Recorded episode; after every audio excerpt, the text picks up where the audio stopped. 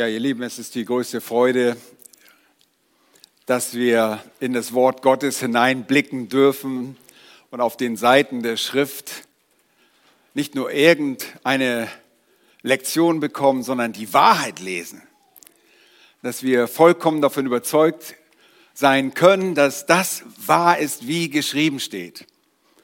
Und gerade in diesen Zeiten, in dieser Gesellschaft, in der so manches durcheinander ist und Menschen so verwirrt sind, ist es so wohltuend, in das Wort Gottes hineinzuschauen und von Jesus selbst zu lernen, wie er selbst auch mit einer eigenen Regierung umgegangen ist und was er für Anweisungen dafür auch uns heute gibt. Lasst uns vor der Predigt den Herrn bitten, dass er unsere Herzen anspricht. Herr, du bist der redende Gott. Wir danken dir, dass du dich nicht zurückgezogen hast und schweigst, sondern dich auf den Seiten der Schrift offenbarst, uns, die wir dich kennen. Aber wir beten auch, dass du darüber hinaus Menschen zu dir ziehst, die dich nicht kennen, die tatsächlich durcheinander sind und nicht mal wissen, wofür sie leben, warum sie geboren worden sind. Wir bitten dich, erbarme dich. Zeig du uns aus deinem Wort, was Wahrheit ist. Überführe uns von den Wahrheiten, die wir uns auf den Seiten der Schrift ansehen werden. Herr, wir können viel über deine Wahrheiten reden, aber wir wollen sie direkt aus dem Wort Gottes beobachten, denn darin liegt die Autorität. Hab Dank dafür, dass du so gut bist.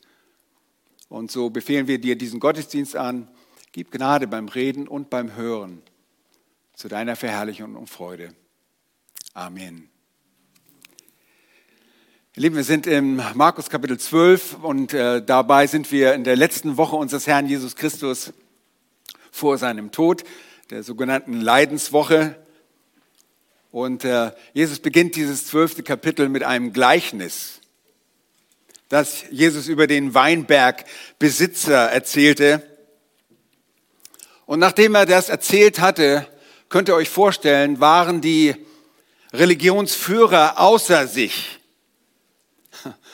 und ihr Ärger muss sich so gesteigert haben, dass sie sich nochmals zu Beratungen zurückgezogen haben. Immer wieder passierte ihnen solche Dinge mit Jesus. Aber an diesem Mittwoch in der Passionswoche, in der Leidenswoche, muss es in ihnen regelrecht gekocht haben. Gestern noch, also an dem Dienstag, die Reinigung des Tempels, die Besetzung des Tempels für mehrere Stunden und dann die Nichtbeantwortung ihrer Frage nach der Autorität Jesus und das anschließende für sie so beschämende Gleichnis, dass sie nicht einmal richtig beurteilen konnten und nicht in ihrer Tiefe verstanden, nur feststellen mussten, dass Jesus sie dabei wohl irgendwie meinte. Und das muss sie gewurmt haben. Und so gibt es ein letztes Aufbäumen. Und wir beobachten dabei im Evangelium des Markus, wie sich der Hohe Rat und deren Mitglieder sich in aller Unverfrorenheit dem Sohn Gottes gegenüber nähern, um ihn zu Fall zu bringen. Und sie wollen das ganz geschickt machen und gehen dabei dynamisch und berechnend vor. Nun, was auf die Erzählung Jesu folgt, sind Fragen. Fragen aus ihren Reihen, die diese Unverfrorenheit, diese Unverschämtheit wirklich offenbar macht. Meine Absicht für die nächsten drei Sonntage ist deshalb eine kleine Predigtserie zu bringen, die unter dem Generalthema steht, letzte Unverfrorenheiten im Tempel. Warum letzte? Letzte Unverfrorenheiten, weil es bereits in der Geschichte der Auseinandersetzung dieser Männer mit Jesus mehrere solcher dieser Unverfrorenheiten gab. Das ist nicht die erste. Unverfrorenheiten, das sind Unverschämtheiten, Frechheiten, Respektlosigkeiten, Dreistigkeiten. Ja, sogar, wie wir sehen werden, Dummdreistigkeiten, ungenierte Ungehörigkeiten gegenüber dem Sohn Gottes. Letzte aber auch, weil es die letzten Zusammenstöße dieser Art im Tempel sind. Und Jesus nur noch zwei Tage vor seinem freiwilligen Tod steht. Sie markieren den Schluss dieser Dinge, das Ende solcher Unverfrorenheiten im Tempel, im Bereich dieses Tempels. Oh, nicht das Ende der Unverfrorenheiten überhaupt. Nein, diese werden sogar noch getoppt, also gesteigert, überboten. Aber hier im Tempel nimmt das so ein Ende mit den Fragen. Und es kommen drei Sätze von Fragen und heute betrachten wir die erste. Heute nun letzte Unverfrorenheiten im Tempel Teil 1. Und mit dem Titel Die berechnende Frage der ungewöhnlichen Gesandtschaft. Die berechnende Frage der ungewöhnlichen Gesandtschaft. Ihr Lieben, alle drei Begebenheiten, die dem Gleichnis in Kapitel 12 über den Weinbergbesitzer folgen, geschehen durch Jesu Opposition, äh, Jesu Feinde und kommen in Form von Fragen. Und diese Fragen offenbaren diese, die Unverfrorenheit dieser religiösen Führer. Heute sehen wir zunächst im Text die berechnende Frage der ungewöhnlichen Gesandtschaft. Lasst uns dazu den Text zusammen lesen. Markus Kapitel 12 ab Vers 13 bis Vers 17.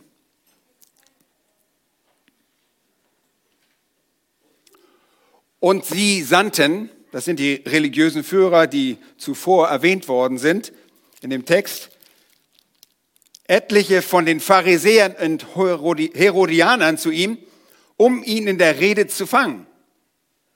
Diese kamen nun und sprachen zu ihm, Meister, wir wissen, dass du wahrhaftig bist und auf niemand Rücksicht nimmst, denn du siehst die Person der Menschen nicht an, sondern lehrst den Weg Gottes, der Wahrheit gemäß.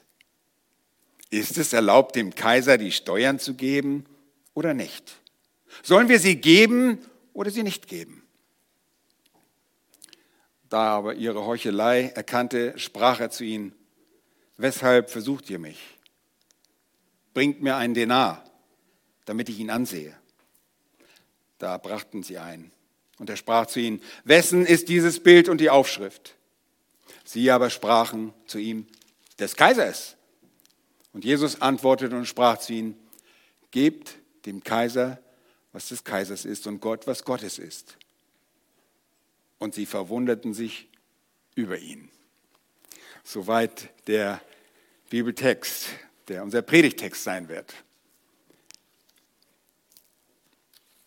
Ihr Lieben, die berechnende Frage der ungewöhnlichen Gesandtschaft Lasst uns zunächst Punkt eins die tatsächliche Absicht hinter der Frage oder den Fragen, hier werden zwei Fragen, aber es ist eigentlich eine Frage, betrachten. Die tatsächliche Absicht hinter der Frage. Und bevor wir die Frage der Gesandtschaft genauer analysieren, fragen wir uns, was war die tatsächliche Absicht? Und ihr Lieben, dazu, um das herauszufinden, was machen wir? Wir gucken ganz einfach in den Bibeltext. Denn Verse 13 und 15 verraten uns die Absicht. Wir haben es schon gelesen. Und da brauchen wir nicht so super klug zu sein. Schauen wir doch mal Vers 13. Und sie sandten etliche von den Pharisäern und Herodianern zu ihm, um ihn in der Rede zu fangen. Nun, dieser Satz hat den typischen Aufbau eines Finalsatzes, eines Zwecksatzes. Ein Satz, der den Zweck ausdrückt. Und das geschieht bei uns im Deutschen so wie hier mit der Infinitivkonstruktion um zu. Oder auch in anderen äh, Sätzen geschieht das mit dem Wort damit. Da wird ein Nebensatz eingeleitet. Und bei diesem Vers muss man nicht ein Genie der Grammatik sein, um das zu verstehen. Im Griechischen wird das mit einem untergeordneten Bindewort angezeigt, hina.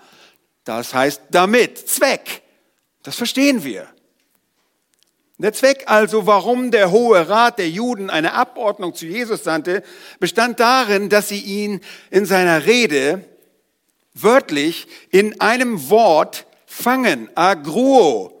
Sie wollten ihn fangen und dieses Wort kommt nur an dieser Stelle im Neuen Testament vor und wird im profanen Brauch auch bei der Jagd gebraucht, um zu verdeutlichen, dass man Tiere fangen kann. Und sie wollten ihn mit einem Wort, Logos steht dort, damit sie ihn tatsächlich gefangen nehmen konnten. In Vers 15 dann erkennt Jesus die Herzen dieser Männer. Da heißt es, da er aber ihre Heuchelei erkannte,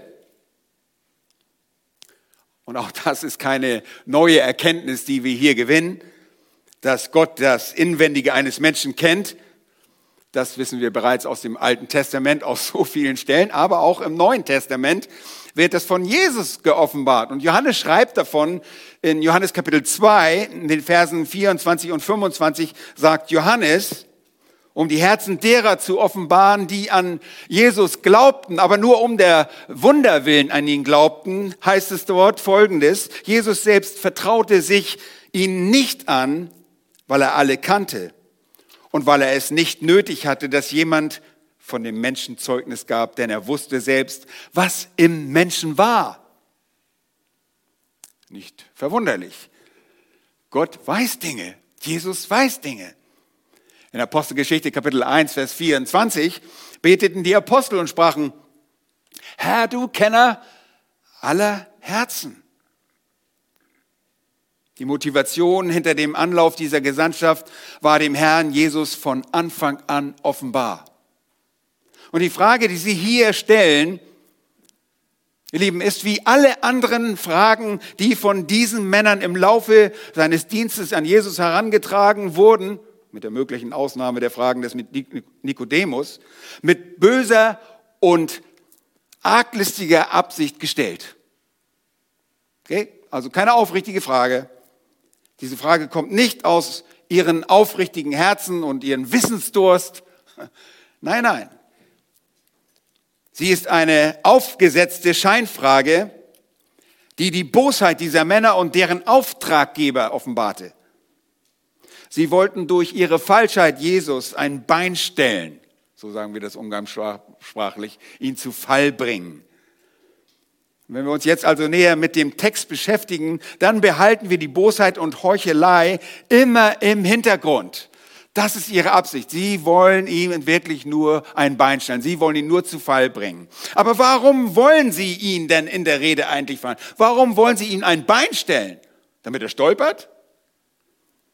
Weil eine falsche Antwort oder ein falsches Wort ihnen den Anlass geben könnte, Jesus vor das Gericht bringen zu können ihn zu verurteilen und ihn so loszuwerden. Und das wollten sie genau erreichen. Ist genau das, was Jesus in dem Gleichnis von den Weingärtnern im Zusammenhang mit dem Sohn des Weinbergbesitzes erzählte. Schaut nochmal zurück, Kapitel 12, Vers 7. Dort lesen wir von ihren Plänen. Jene Weinberggärtner aber sprachen untereinander, das ist der Erbe, komm, lasst uns ihn töten, so wird das Erbgut uns gehören. Ihr Lieben, Sie, die Weinbergpächter, die jetzt hier in diesen religiösen Führern des Landes dargestellt werden, besitzen, wollen besitzen, was rechtmäßig Jesus gehörte.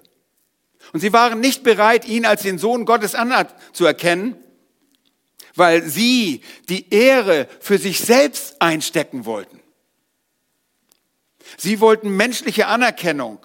Sie wollten Selbstanbetung und das ohne sich irgendwelchen Auflagen Gottes zu unterwerfen. Ja, mehr noch, sie konnten es nicht ertragen, wenn die Wahrheit neben ihnen existierte. Und so wollen sie die Wahrheit in Person beseitigen. Ihr erinnert euch, Jesus sagt, ich bin der Weg, die Wahrheit und das Leben. Sie wollen ihn beseitigen. Sie wollen Jesus töten. Und Jesus sagt nicht von ungefähr zu den jüdischen Leitern, ihr habt den Teufel zum Vater und was euer Vater begehrt, wollt ihr tun. Was war dieser Vater? Der war ein Menschenmörder von Anfang an. Und er steht nicht in der Wahrheit, denn Wahrheit ist nicht in ihm. Johannes 8, 44. Diese Menschen wollten Jesus töten.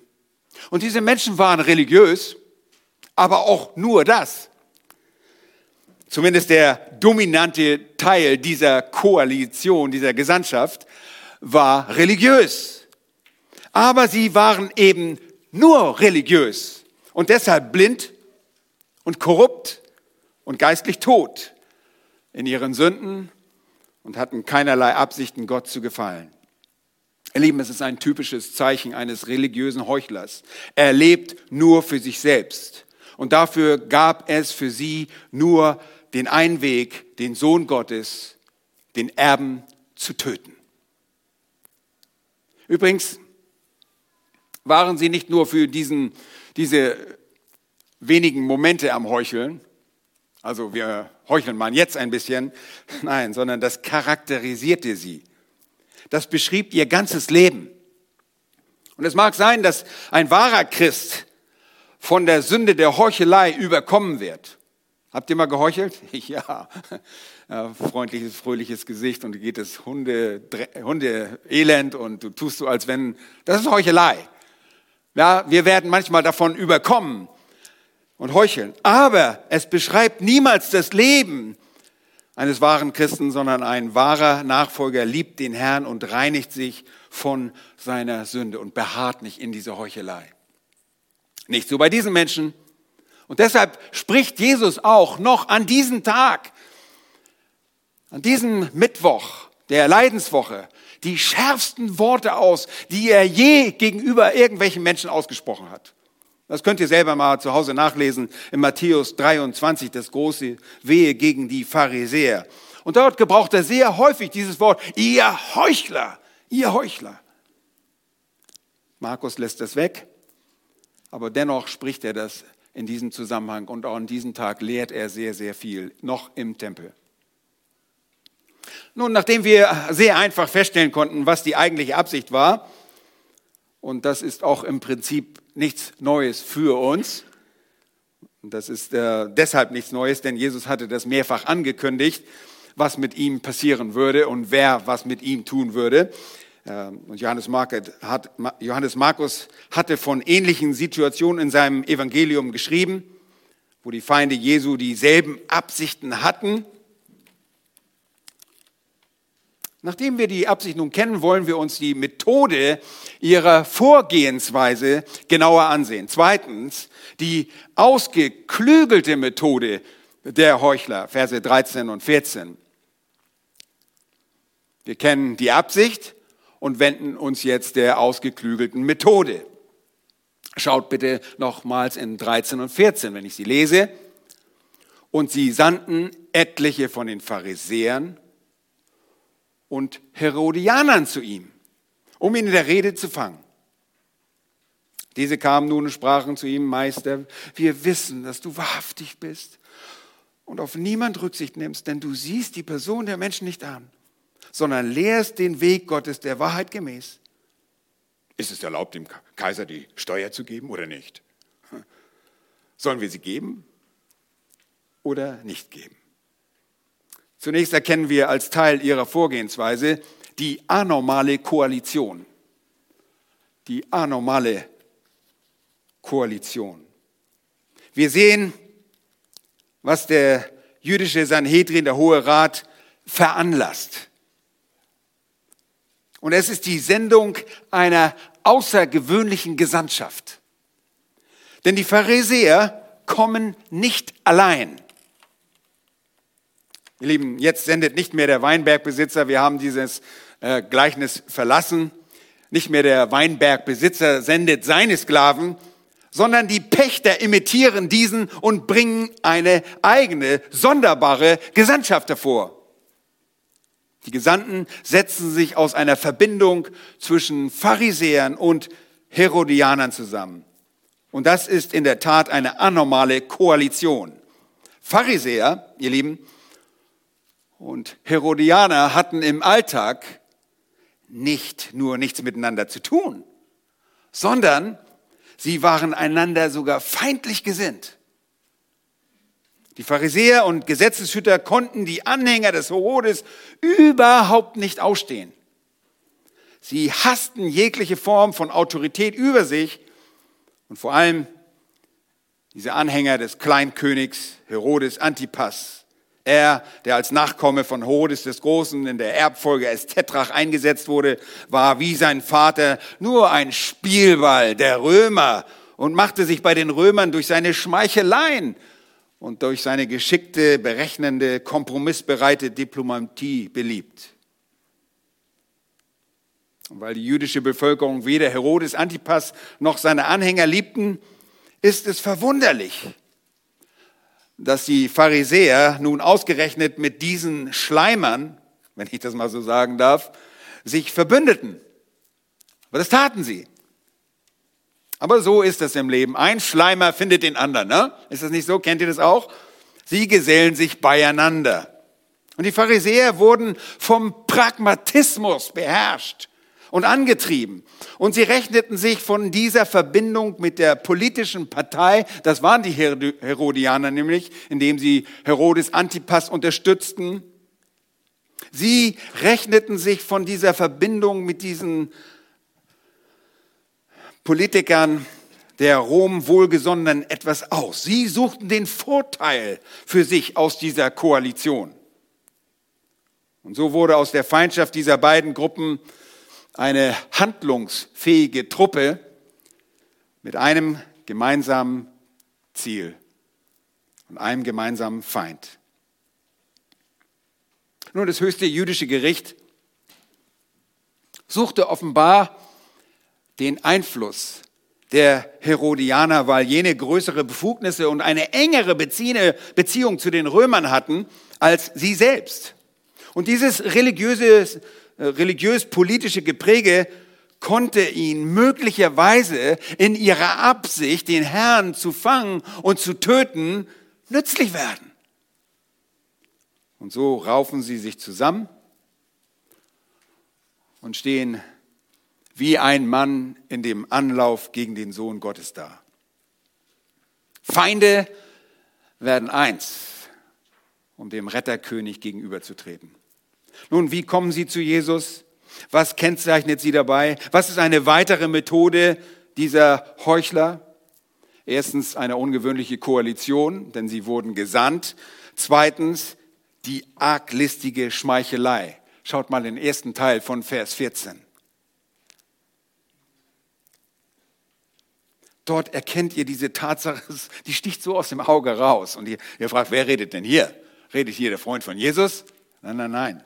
Die Worte zeigen euch die arglästige Schmeichelei dieser Gesandtschaft. Da heißt es, diese kamen nun und sprachen zu ihm, Meister, wörtlich Didaskalos, Lehrer, wir wissen, dass du wahrhaftig bist.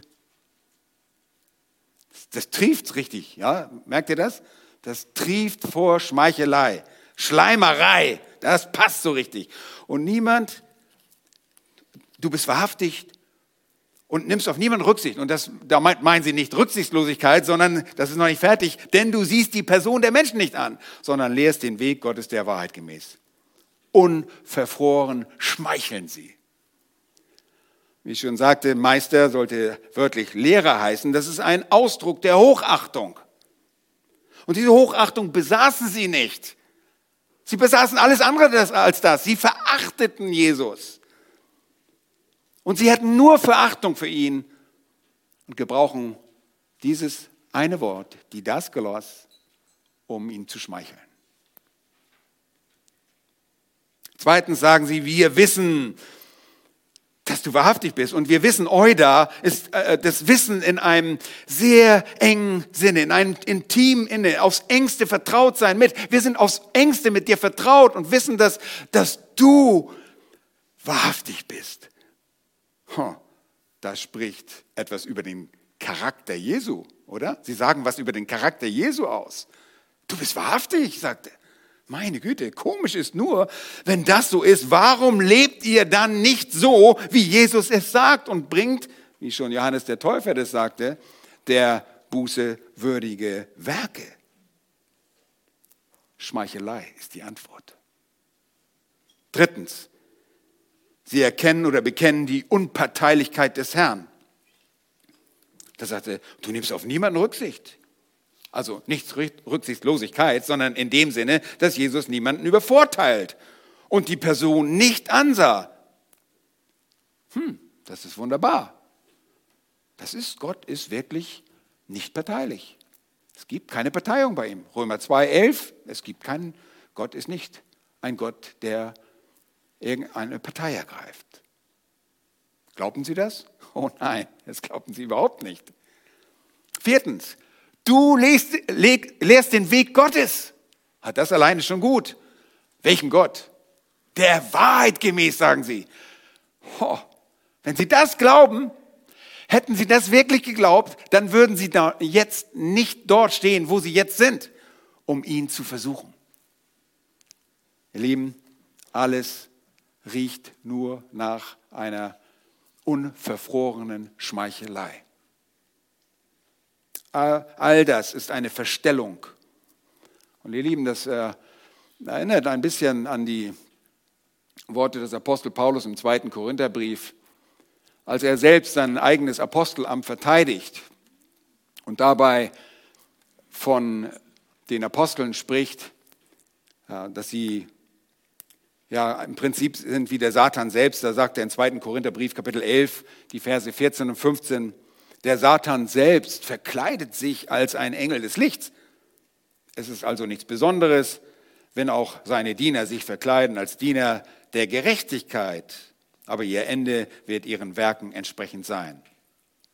Nun, auch sie geben hier eine gewisse Frömmigkeit vor und wollen sich Jesus so nähern und möglicherweise auch das Volk beeindrucken und sich praktisch so stellen, als würden sie ja gar nichts gegen Jesus haben. Mit ihrer Schmeichelei, ihr Lieben,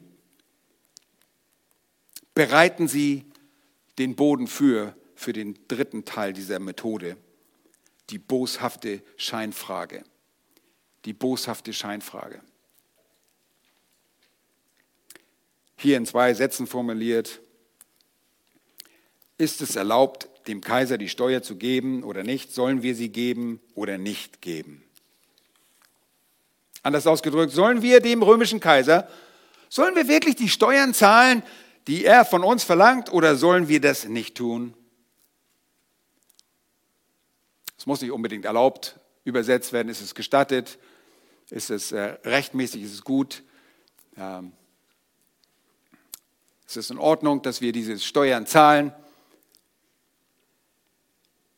Einträchtig in diesem Intrigenspiel kommen die Pharisäer und Herodianer mit einer Frage, bei der sie sich sicher sind, am Ende als Gewinner dazustehen. Und nicht noch einmal wollen sie wie damals die Kollegen in Galiläa dastehen und leer ausgehen. Markus, ich weiß nicht, ob ihr euch daran erinnert, schreibt nach der Heilung des Mannes mit der verdorrten Hand, wir haben das am äh, Freitag kurz nochmal angesprochen, in Kapitel 3, die Verse 6 und 7, dass die Pharisäer hinausgingen und Rat hielten mit den Herodianern gegen ihn, wie sie ihn umbringen könnten. Vers 7 heißt es dann dort in Kapitel 3, aber Jesus zog, verzog sich oder zog weg. Ja. Das wollten sie nicht noch einmal erleben. Jetzt wollten sie Erfolg haben. Und zu der Steuerfrage müsst ihr Folgendes wissen, dass es sich hier um eine es gab verschiedene Steuern, muss ich zunächst sagen. Aber hier handelt es sich um eine an den Zensus ähm, gebundene, an eine Volkszählung gebundene äh, Kopfsteuer, die bei einer Volkszählung zum ersten Mal im Jahre 6 oder 5, 6 nach Christus erhoben wurde und die beim Volk auch, wenn sie auch nicht so sehr hoch war, ein großes Ärgernis darstellte. Weil diese Steuer ging nicht in ihren geliebten Tempel wir haben auch gesehen, dass äh, eine Tempelsteuer abgegeben werden musste. Es gab auch eine Landsteuer und dann wisst ihr auch Matthäus oder Levi und die Zöllner waren damit beauftragt, Importsteuern einzutreiben für die Römer. Aber hier handelt es sich um eine Kopfsteuer. Jeder Kopf, der sich hat zählen lassen, musste ein Denar abgeben. Jährlich. Das war nicht so sehr viel. Aber auch wenn es nicht so sehr viel war, Sie wollten das Geld lieber für sich verwenden, als es aus der Hand zu geben und dennoch einem heidnischen Volk anzuvertrauen.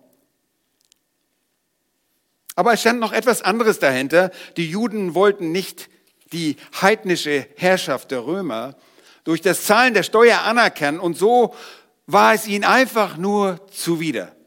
Ich meine, wer gibt schon gerne Geld für Steuern aus? Ich meine, wir tun das auch nicht gerne. Wir sehen das schon ein, aber äh, gerne tun wir das nicht, oder? Wir freuen uns über Steuerrückzahlung und sind froh, wenn Juliane sich für uns einsetzt. ja, aber gerne zahlen, ja, das tun wir nicht so gerne. Ne? Rom war die Besatzungsmacht. Und die Juden taten sich schwer und zahlten die Steuer, wenn sie zahlten, in ihrer eigenen Währung durch die Schekel, die sie besaßen. Also die Juden wollten die Schekel benutzen, aber es war ein Denar, sie mussten einen Denar bringen. Und die Kopfsteuer an Rom belief sich auf diesen einen Denar einer Silbermünze im Wert von etwa einem Tageslohn eines durchschnittlichen, gewöhnlichen Arbeiters. Sollten nun die Juden diesen Denar als Kopfsteuer an dieses heidnische Rom entrichten oder sollten sie das nicht tun? Tja, das war ein Genie, der das sich ausgedacht hatte. So glaubten sie. Oh, man kann sich vorstellen, wie die Fragesteller sich mit dieser Frage unbesiegbar vorkommen. Denn wenn Jesus mit Nein antworten würde, bezahlt keine Steuer an Rom oder bezahlt es zurück, ist eigentlich ein Zurückzahlen hier, dann hätte sich die Verbindung der Pharisäer mit den Herodianern sofort bezahlt gemacht und man könnte Jesus sofort als Aufrührer festnehmen lassen, da er sich in einem solchen Fall als ein Staatsfeind Roms erweisen würde. Und das gab es auch zu Beginn der Erhebung dieser Steuer durch einen gewissen Judas aus Galiläa. Als das erste Mal diese Zensus erhoben wurde, wurde diese Steuer eingeführt und ein gewisser Judas von Galiläa ähm, zettelte einen Aufruhr an. Und davon berichtet uns Gamaliel, auch ein Pharisäer in Apostelgeschichte 5 und Vers 37, da heißt es, nachdem trat Judas der Galiläer, sagt er, Gamaliel berichtet davon, auf in den Tagen der Volkszählung und brachte unter seiner Führung viele aus dem Volk zum Abfall. Ja, da waren viele nicht mit einverstanden. Was, Steuern zahlen für die Römer? Nein, auf keinen Fall. Dann sagt äh, Gamaliel, auch er kam um. Und alle, die ihm folgten, wurden zerstreut. Seht ihr, Judas der Galiläer rebellierte auch gegen die Steuer, die beim Zensus erhoben wurde und seine Erhebung endete tödlich. Das war nun auch die Hoffnung dieser Gesandtschaft des Hohen Rates, dass genau sowas eintreten würde, dass Jesus, da er ja der Messias ist, auf keinen Fall an die Römer Steuern zahlen würde und das noch befürworten würde. Das konnten sie sich bei weitem nicht vorstellen. Nun, waren sie auf alles vorbereitet? Auch das. Würde Jesus aber Ja antworten, zahlt die Steuer an den römischen Kaiser zurück, dann würde das sich für sie auch auszahlen. Denn mit seiner Unterstützung, mit Jesu Unterstützung Roms, würde er sich mit Sicherheit bei dem Volk, den vaterländisch gesinnten und jüdisch verwurzelten Genossen des Landes, Missmut hervorbringen und die Stimmung des Volkes würde mit Sicherheit kippen. Oh, wie wunderbar wäre das in Ihren Augen, wenn die Stimmung des Volkes doch endlich kippen würde. Was lesen wir immer wieder? Sogar noch in dieser Leidenswoche, sogar noch in diesem Kapitel, Vers 37 ist das, genau. Da äh, lesen wir, und die große Volksmenge hörte ihm mit Freude zu. Und ihr wisst auch, die wollten schon lange einen Zugriff machen. Die wollten schon lange den Jesus packen. Aber sie fürchteten immer wen? Die Volksmenge. Und jetzt haben sie sich gedacht, ha, wenn er Ja sagt, macht er sich bei der Volksmenge unbeliebt und die Stimmung kippt. Und wir haben das Volk auf unserer Seite. Wunderbar. Oh, sie waren so stolz. Mit breiter Brust traten sie vor Jesus. Und sie waren die, ihrer Meinung nach in einer, wie sagt man, Win-Win-Situation. Situation. Sie hatten in ihrer Vorstellung den beidseitigen Vorteil. Oh, wie kamen sie sich klug vor? Aber es kam wieder mal so anders. Und das ist das Muster. Denn Jesu Zeit war nicht gekommen. Und wir erinnern uns, dass nicht sie, sondern er allein die Stunde seines Todes bestimmte. Lasst uns weiter den Text verfolgen und kommen zum dritten Punkt. Die unerwartete Antwort des mutmaßlichen Aufrührers. Die unerwartete Antwort des mutmaßlichen Anführers sehen wir in den Versen 15 bis 17. Ich lese, da aber ihre Heuchelei erkannte, sprach er zu ihnen, weshalb versucht ihr mich? Bringt mir ein Denar, damit ich ihn ansehe. Da brachten sie ein und er sprach zu ihnen, wessen ist dieses Bild und die Aufschrift? Sie aber sprachen zu ihm, des Kaisers. Und Jesus antwortete und sprach zu ihnen, gebt dem Kaiser, was des Kaisers ist, und Gott, was Gottes ist. Nun, Jesus spricht diese Leute so als das an, was sie sind, oder? Er spricht sie als sofort als Heuchler an. Er schleimt nicht, er schmeichelt nicht, er spricht sie gleich an als Heuchler. Und sofort spricht er sie auf die Versuchung an und sagt, weshalb versucht ihr mich? Und das offenbarte bereits ihre Einstellung zu Jesus sagten das, denn in 5. Mose Kapitel 6 und Vers 16 heißt es sehr deutlich, und das wussten vor allen Dingen Pharisäer und Schriftgelehrte, ihr sollt Jahwe euren Gott nicht versuchen, wie ihr ihn bei Massa versucht habt. Und sie erkannten Jahwe nicht in der Person Jesu. Lieben, hier ist Jahwe in der Person Jesu vor ihnen. Er, dessen Name Jahwe ist und diese Welt in diese Welt kam, wurde von ihnen nicht erkannt. Und er war in der Welt und die Welt ist durch ihn sogar geworden. Doch die Welt erkannte ihn nicht und dann kam er sogar in sein Eigentum und die Seinen nahmen ihn nicht auf, schreibt Johannes. Die haben keine Ahnung, wer da ist. Oder sie erdrückt, unterdrückten ihr Wissen erfolgreich. Sie waren in einer richtigen Rebellion. Aber was dann folgt, ist einfach genial und für jeden Anwesenden völlig unerwartet. Er, den sie schon als Aufrührer erwarten, fordert, bringt mir ein Denar, damit ich ihn sehe. Aber bitte passt gut auf, das ist jetzt nicht so ganz einfach, aber der Besitz eines römischen Denarius, eines Denars, impliziert schon die Beantwortung ihrer eigenen Frage. Inwiefern? Es war Cäsar, des Kaisers Münzgeld, das offenbar, dass einige, es war offenbar, dass einige von ihnen diese Währung benutzten. Und sie konnten ihn auf Jesu Frage hin sicherlich auch ohne Sichtkontakt beschreiben. Vers 16. Wessen ist dieses Bild und die Aufschrift? Sie aber sprachen, des Kaisers. Nun, indem einige diese Währung auch benutzten, erkannten sie stillschweigend Cäsars Autorität an und damit auch ihre Verpflichtung zur Zahlung von Steuer. Könnt ihr folgen? Wem gehörte dieser Denar? War das allgemein, war das Privateigentum? Er gehörte zu Rom. Und auf Befehl des Kaisers wurde er geprägt mit dem Bild des Kaisers und seiner Aufschrift. In zivilen Autoritäten, und das weiß ein jeder, zahlt man, was man ihnen schuldig ist. Auch das ist offenbar. Und das, da es dem Kaiser gehörte, sollte man es auch dem Kaiser zurückgeben, ist das Wort hier. Man sollte ihm das zurückgeben, was man ihm schuldete. Wieso schuldete man die Kaiser etwas? Nun, Rom sorgte dafür, dass zum Beispiel die Straßen gebaut wurden.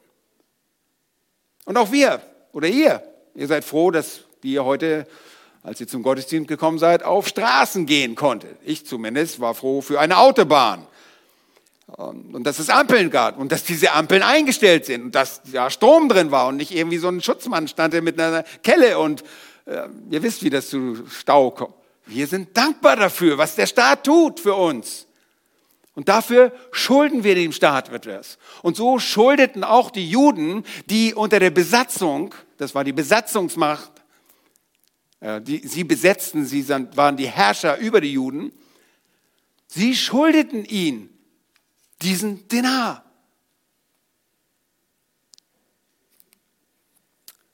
Und deshalb, ihr Lieben, zahlen auch wir Steuern. Okay? Wir sind nicht immer einverstanden mit dem, wie der Staat unsere Steuergelder eingeht, aber das ist nicht die Verantwortung. Ein anderer Mal wird, äh, sollte Jesus eine Tempelsteuer bezahlen und auch die musste er nicht zahlen, weil das Haus Gottes ist das Haus seines Vaters. Man treibt ja nicht äh, die Steuern von den Kindern ein. Aber Jesus wollte keinen Anstoß geben und er zahlte sogar diese Steuer für den Tempel. Hier wird deutlich, es ist unsere Verpflichtung, Steuern zu zahlen. Und die Antwort Jesu entspricht auch dieser Logik und vermeidet die Falle der Gesandtschaft. Er sagt, gebt dem Kaiser, gebt ihm zurück, was des Kaisers ist und Gott, was Gottes ist. Und jeder wusste, Cäsar hatte einen legitimen Anspruch beim Volk, so wie auch Gott einen Anspruch beim Volk hat. Gebt jedem seinem rechtmäßigen Anspruch. Und solange Gottes Rechte gewahrt wurden, gab es keine Notwendigkeit, die Rechte des Cäsars in Frage zu stellen. Ihr Lieben, ziviler Gehorsam bezeugt durch die Zahlung der Steuer, dass wir Gottes Ordnung anerkennen. Das ist auch unsere Pflicht. Und er widersprach ebenso wenig dieser Zahlung, wie er den Gott gebührenden Gehorsam gegenüber Gott aufhob. Jesus sagt damit ja gar nicht, dass die Ansprüche Gottes und die des Cäsars gleich wären. Er sagt nicht, oh, das sind gleiche Ansprüche. Nein, jeder hatte seinen eigenen Anspruch. Wir geben dem Kaiser, was des Kaisers ist, und da seht ihr schon auf dem Bild, guckt, da ist der Kaiser drauf, ganz einfach, das gehört zum Kaiser.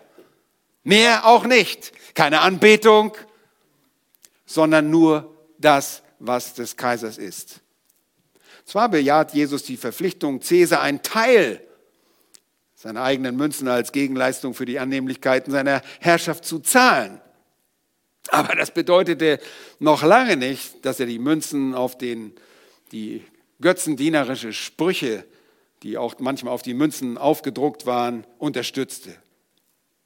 Gottes Rechte sollen geehrt werden. Und deshalb macht Jesus mit seiner Antwort klar, dass es zwei völlig getrennte Ansprüche, unabhängige Bereiche der Verpflichtung gibt.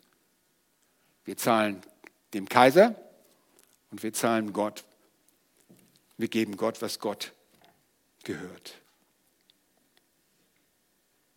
In Römer 13, und ich bin dankbar, dass das Gott so arrangiert hat, dass wir am Mittwoch, kommt bitte am Mittwoch in das Gemeindeleben, wenn Sam uns Römer 13 auslegen wird. Römer 13 weist darauf hin, dass es Verpflichtungen gegenüber Cäsar gibt, gegenüber dem Staat, die nicht die Rechte Gottes verletzen, sondern tatsächlich von Gott auch angeordnet sind. Nun, das ist keine Pauschalgenehmigung für den Staat, alles zu tun und uns anordnen zu wollen, was, wir, was er sich ausdenkt. Und die Nationen denken sich viel Unsinn aus. Wir müssen uns nur äh, bestimmte Maßnahmen zur Zeit anschauen. Es gibt sehr viel Unsinn dabei. Und jeder greift nach Macht und Autorität und will noch mehr Geld. Und ihr Lieben, nicht alles. Im Bereich der Gemeinde hat, die, hat der Staat überhaupt nichts zu sagen. Es ist Gottes Gemeinde. Und hier sind andere Autoritäten verantwortlich. Oh, ihr könnt euch vorstellen, wie begossene Pudel standen sie wieder einmal da. Jesus hatte die Herrschaft der Römer anerkannt.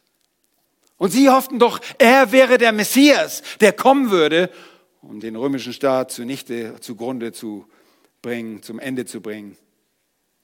Aber auch den Anspruch Gottes unterstrich er. Und da genau lag ihr Problem. Da lag das Problem. Denn Jesus sagt, gebt dem Kaiser, was des Kaisers ist, und Gott, was Gottes ist. Das taten sie nicht. Gebt Gott, was Gottes ist. Gebt ihm die Ehre. Gebt ihm eure Leben. Gebt ihm die Frucht des Weinberges. Erinnert ihr euch in dem, in dem Gleichnis? Sie wollten nicht mal den Anteil, die Pächter wollten nicht mal ihren Anteil abgeben. Sie wollten alles für sich haben. Das ist so typisch für gottlose Leiter. Liefert den Ertrag durch das, was ihr im Leben tut. Gebt finanziell, oh, die, die Pharisäer, so wie auch alle anderen Heuchler auch, sind geldgierig. Ja, Lukas 16, Vers 14 spricht von ihrer Geldgier und geizig. Sie reden so viel über Geld, aber nicht nur um, nicht um es abzugeben, um es für sich zu haben und anderen aus der Tasche zu, sehen, zu ziehen. Und wir kriegen dafür noch ein Beispiel später in dem Kapitel. Aber nicht um großzügig und uneigennützig zu sein. Ihr Lieben, könnt ihr euch vorstellen, was da los war? Das bringt uns zu dem letzten Punkt, die schweigende Reaktion der Verwunderung. Und heißt es, Vers 17, Sie verwunderten sich über ihn. Markus macht keine Anstalten, irgendwas weiteres zu schreiben. Das ist die Reaktion ohne ein Wenn und Aber. Sie sind mundtot und wir können uns sicher sein, in diesen Dienern Satans brodelte der Zorn jetzt noch mehr. Und man sollte meinen, dass sie verstanden haben, was Jesus sagte. Ja, das hatten sie, sonst wären Einwände gekommen. Aber es gab nichts zu meckern. Sie wussten nichts einzuwenden oder in irgendeiner Weise etwas anzumerken. Sie waren überrascht, aber von der Wahrheit erschlagen. Der Herr Jesus hatte recht geantwortet. Was auch sonst sollte von ihm kommen. Und deshalb muss man ihr weiteres Verhalten vor Pilatus auch besonders verurteilen. Ihre unverfrorene Lüge. Was machen sie vor Pilatus? Wir lesen in Lukas 23, Vers 2. Sie fingen an, Jesus zu verklagen und sprachen, wir haben gefunden, dass dieser das Volk verführt und es davon abhalten will, dem Kaiser die Steuern zu zahlen. Hm. Er behauptet, er sei Christus der König. Alles andere als das ist wahr. Hier ermutigt er, Steuern zu zahlen. Und er hält niemanden davon ab, die Steuern zu zahlen. Aber genau das bringen sie als Anklage vor Pilatus, vor dem römischen Statthalter. Was für eine grässliche Lüge und ja, Lügen sind immer grässlich, aber gerade im Lichte der Dinge, die wir gerade betrachtet haben, tritt diese hässliche Fratze der Lüge besonders in Erscheinung. David schreibt im Psalm 31, Vers 19, die Lügenlippen sollen zum Schweigen gebracht werden, die frech reden gegen den Gerechten mit Hochmut und Verachtung. Ihr Lieben, jetzt waren sie wirklich mundtot und schwiegen. Und eines Tages werden sie endgültig zum Schweigen gebracht, denn die Toten rühmen Jahwe nicht. Keiner, der zum Schweigen hinabfährt, sagt Psalm 115, Vers 17. Sie, die ihm nicht gaben, was er von ihnen forderte, ganz wie die Weinbergpächter, die den Ertrag der Ernte und den Weinberg für sich behalten wollten, so endeten diese Menschen im ewigen Tod und sie werden dort enden. Und das endgültige Gericht steht ihnen noch und allen Leugnern Jahwes bevor. Wann? Vor dem großen weißen Thron. Es gibt noch einen weiteren Punkt, der nicht darauf steht. Was ist deine Reaktion? Wie reagierst du darauf? Gibst du dem Herrn, was ihm gehört. Dem Kaiser, was des Kaisers ist.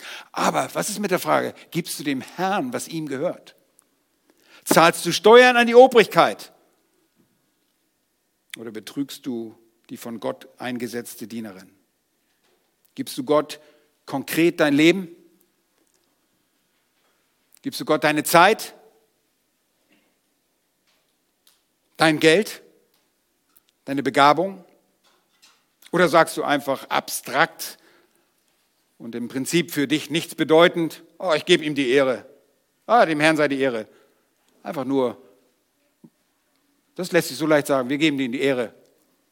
Überprüfe dich, überprüfe dein Leben, deine Handlungen, betrachte die Zeit. Rechne mal die Zeit zusammen, die du konkret für ihn einsetzt. Natürlich sollen wir zu jedem Moment, an jedem Moment ihm dienen. Aber welche Zeit setzt du, heiligst du für den Herrn im Dienst? Schau das mal genau an. Schau auf deine Bankverbindung, die Geldbewegung. Wie viel Geld geht dabei an den Herrn und welche Beträge für deine eigenen Bequemlichkeiten? Oh, ihr Lieben, so ein Einblick in, auf ein Bankkonto kann manchmal wirklich sehr viele Dinge offenbaren.